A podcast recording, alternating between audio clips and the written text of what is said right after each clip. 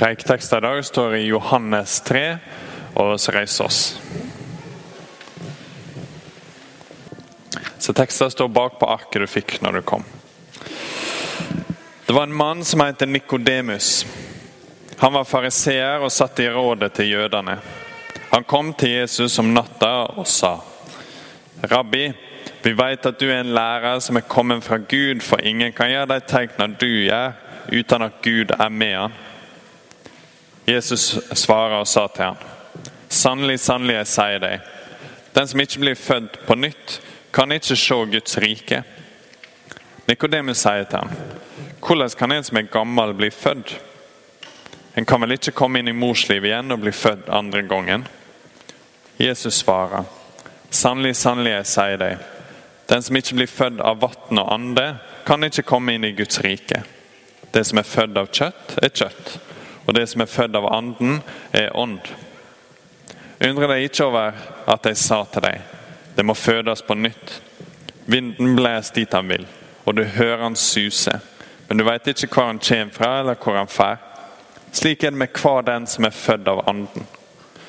Hvordan kan dette gå til? spurte Nikodemus. Jesus svarer, du er en lærer for Israel og veit ikke det? Sannelig, sannelig, jeg sier deg, vi taler om det vi vet og vitner om det vi har sett, men det tar ikke imot vitneutsegna vår. Dersom de ikke tror når jeg taler til dere om jordiske ting, hvordan kan de da tro når jeg taler til dere om det himmelske? Ingen har steget opp til himmelen uten han som steg ned fra himmelen, menneskesønnen som er i himmelen. Og slik Moses løfter opp armen i ødemarka, slik må menneskesønnen løftes opp, så hver den som tror på han skal ha evig liv. For så elsker Gud verden, at han ga sønnen sin den enbårne, så hver den som tror på han, ikke skal gå fortapt, men ha evig liv. Gud sendte ikke sønnen sin til verden for at han skulle dømme verden, men for at verden skulle bli frelst ved han. Den som tror på han, blir ikke dømt. Den som ikke tror, er alt dømt fordi han ikke har trodd på navnet til Guds enbårne sønn. Og dette er dommen. Lyset er kommet til verden, og mennesker elsker mørket mer enn lyset, for gjerningene deres var vonde. For den som gjør det vonde, hater lyset og kommer ikke til lyset, så gjerningene hans ikke skal komme opp i dagen. Men den som følger sanninga, kommer til lyset, så det skal bli klart at gjerningene hans er gjort i Gud.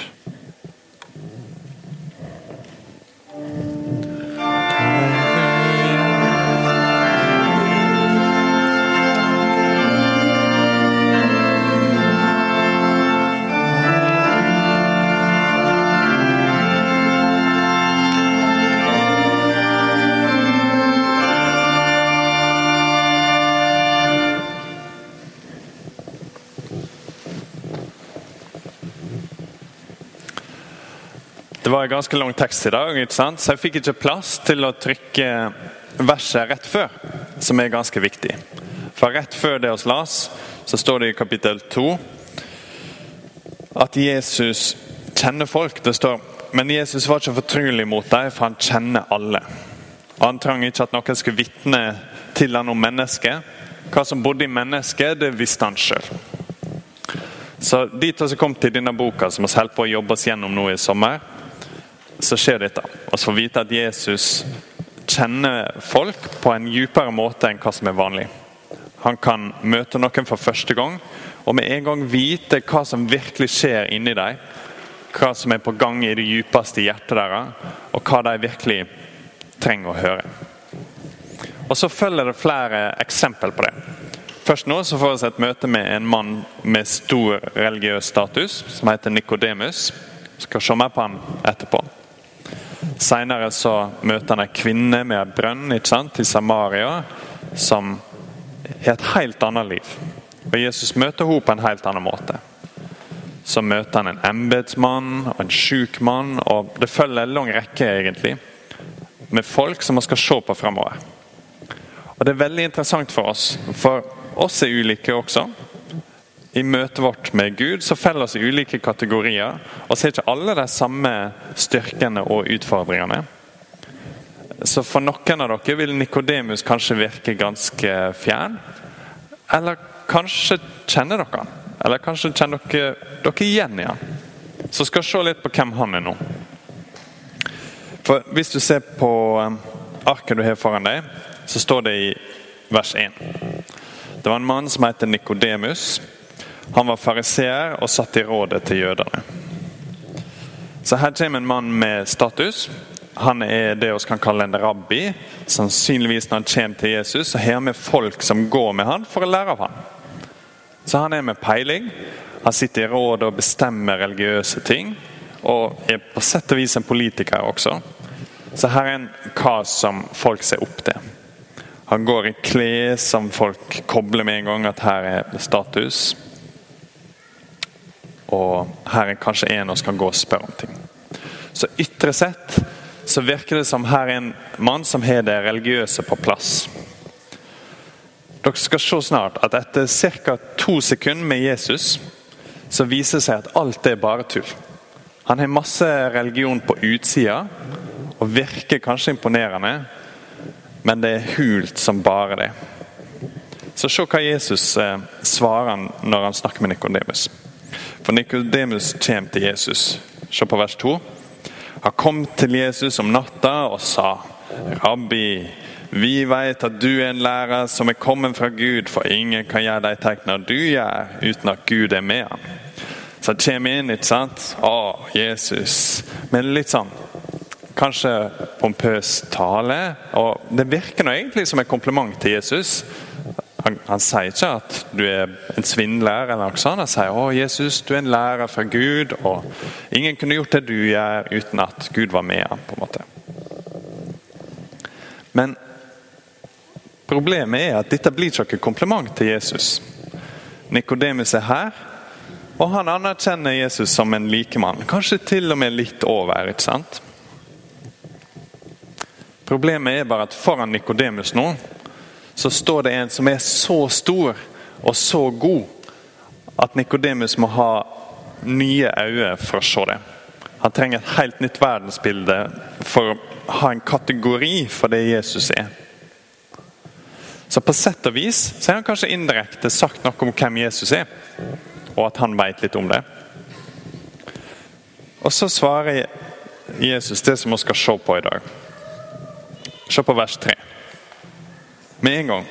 Jesus svarer og sier til ham Sannelig, sannelig, jeg sier deg, den som ikke blir født på nytt, kan ikke se Guds rike. Og Da tenker kanskje oss og Nikodemus hva, hva, i alle dager? Her er han kommet med på en måte en hilsen til Jesus, og så sier Jesus med en gang Den som ikke blir født på nytt, kan ikke se Guds rike. Det han egentlig sier, det jeg sa i stad. Nikodemus, du har ikke peiling på hvem jeg er. Du har ikke kategoriene for den jeg er. Og hvis du vil forstå hva det betyr at her står Gud og mennesket foran deg, her står en som er samtidig en person, en mann som går rundt, og universets hersker. Så trenger du en helt ny måte å tenke på, og et helt nytt hjerte. Og Måten Jesus beskriver det på, er at han sier du må bli født på nytt. Jeg vet ikke hvordan det stemmer dere, men når jeg hører å bli født på nytt, så tenker jeg av og til på kanskje en stor, kraftig tidligere torpedo eller en rusmisbruker eller noe sånt, som har møtt Jesus og fått en total omveltning i livet. Så han har vært kanskje vil jeg si ganske lav i, i samfunnsstatus. Han har vært på kjøret og hatt masse problem. Og Så møter han Jesus og får et nytt liv. Eh, det var litt artig. Når jeg gikk på videregående, så møttes oss i en kristen gruppe på skolen som heter Skolelaget. Og En gang så kom det en sånn kar som passer akkurat den beskrivelsen. Svær beist av en kar med masse tatoveringer. En skikkelig skummel type. Som kom for å holde andakt. Så Han snakka om Jesus sin kjærlighet og eh, at Jesus elsker alle barna. og, sånn. Og hadde en skikkelig fin, fin andakt. Han var født på nytt. Og så gikk han ut fra klasserommet etterpå, uh, ut i gangen. Og Da sto den største karen på håndballaget mitt han sto der med sine kamerater så på denne karen som kom ut fra skolelagsmøtet. og sa liksom etterpå når han hadde gått, at han der ville jeg ikke møtt på en mørk kveld i en trang bakgate. For han var skikkelig sånn fyr. Men han var født på nytt, ikke sant? Og, og snakker ofte om det i samfunnet. At sånne folk, det er så flott når de blir født på nytt, for da de ser store og skumle ut, men nå er de liksom snille, på en måte. Når Jesus bruker det til Nikodemus, så er det helt motsatt. Oss tenker kanskje at de som trenger å bli født på nytt, er de som har sosiale utfordringer. Ok, narkotika, da må du bli født på nytt. Men se en gang til på Nikodemus. Her har du en som er en religiøs leder. Vers 1. Han er en rabbi. Folk går rundt med han hele dagen hvor som helst for å lære av han hvordan det er lurt å forholde seg til Gud. Og Jesus møter han, og det første han sier, er du må bli født på nytt. Så Jesus sier at det er ikke sånn at noen er her nede og trenger å bli født på nytt og ha et møte med Jesus og bli tilgitt deres synd og få en total omveltning i livet.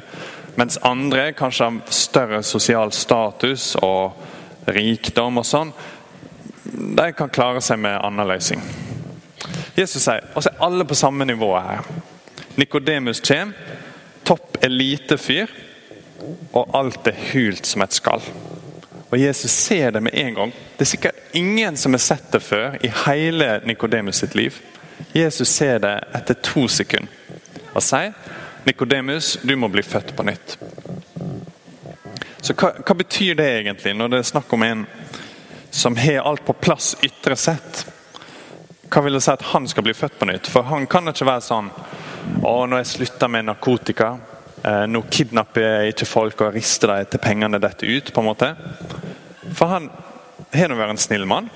Han har gått rundt og gjort gode ting. Han har sikkert gitt penger til fattige folk og mat til sultne folk. Han har sikkert sagt masse viktige ting. Og enten så går det bra, eller så går det over. på en måte. Um, men hva, hva er det Jesus mener her? Hvorfor Nikodemus? Og hva har det å bety for oss? For Hvis vi tenker litt på dette, så er det egentlig litt skummelt for oss. For det er ganske lett for oss ikke sant, å se Ok, jeg er kanskje ikke den beste personen, men det fins iallfall folk som er verre enn meg, går det an å tenke. Så da kan det hende at forholdet vårt til Gud er ok, for oss har iallfall ikke alle problemer som de har. Så ok, det fins noen som er bedre, men det fins sikkert noen som er verre også. Så se kanskje midt på treet, og kanskje Gud er glad i oss pga. det. Møtet Jesus hatt med Nikodemus her, advarer oss om at det går ikke an å tenke sånn. Vi kan ikke se ned på andre folk og forvente at det skal gjøre Gud glad i oss. Jesus er ikke imponert over Nikodemus, som kommer med status uten like. Navnet står i Bibelen, og likevel så er Jesus ikke imponert. Han sier du må bli født på nytt. Og Senere så forklarer han mer til Nikodemus hva det betyr. Kort sagt så kan hun si det sånn. Nikodemus er veldig bra ytre sett, men i hjertet hans er ikke det. Han tror han kjenner Gud, men han har ingen personlig forhold til Gud. Han tror at Gud er glad i han fordi Nikodemus er en så god person. Han tenker jeg har status, jeg tar det religiøse livet seriøst. Jeg er kanskje ikke så gal som den personen der borte, men Jesus, du er en lærer fra Gud, og takk for at du er kommet her og at vi kan snakke litt i lag. Hvis vi hopper langt, langt ned i teksten Den er litt lang, så vi har ikke tid til å ta for oss alt. Men hvis vi hopper til vers 17, så verset etter Bibelens mest kjente vers, så står det Gud sendte ikke sønnen sin til verden for at han skulle dømme verden, men for at verden skulle bli frelst ved han. Den som tror på han, blir ikke dømt. Den som ikke tror, er alt dømt, fordi han ikke trodd på navnet til Guds enbårne sønn.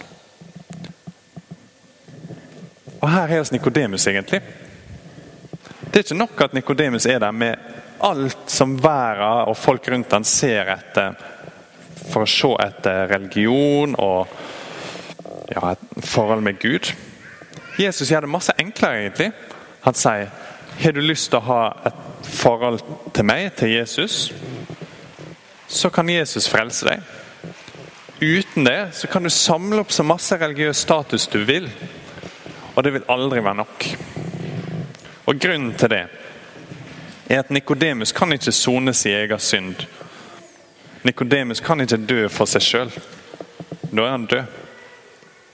Så her kommer Jesus og sier 'Jeg kan dø for deg, Nikodemus', men da trenger du å bli født på nytt og tro på meg og ta imot det jeg tilbyr deg.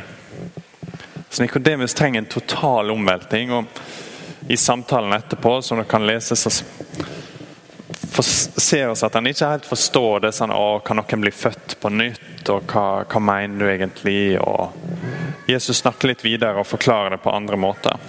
Og kommer etter hvert til Johannes 3, 16 og koker det ned for Nikodemus og sier for så høyt elsker Gud være at hver den som tror på han, ikke skal gå fortapt, men ha evig liv.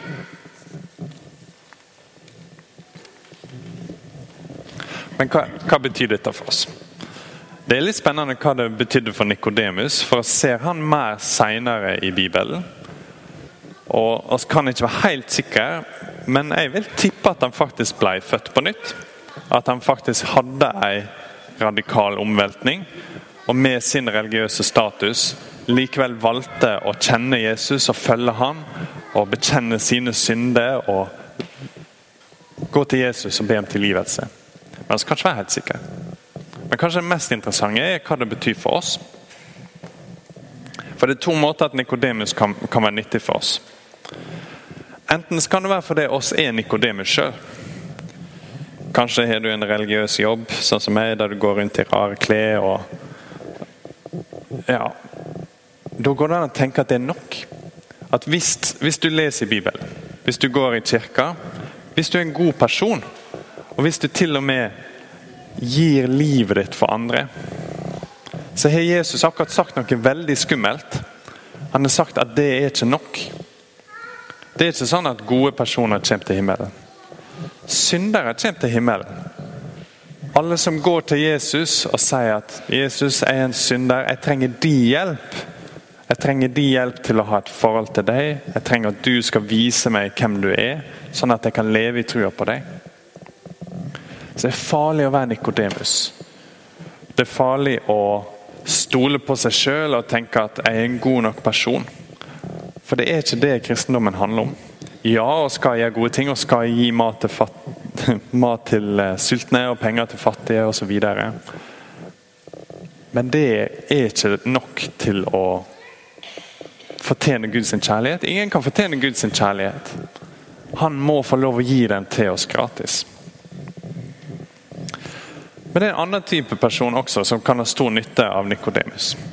Og Det er hvis du ikke er kristen og tenker Folk har gått og sagt til meg hele livet at å, det er så fint å være kristen, og eh, kanskje jeg bør bli en av dem.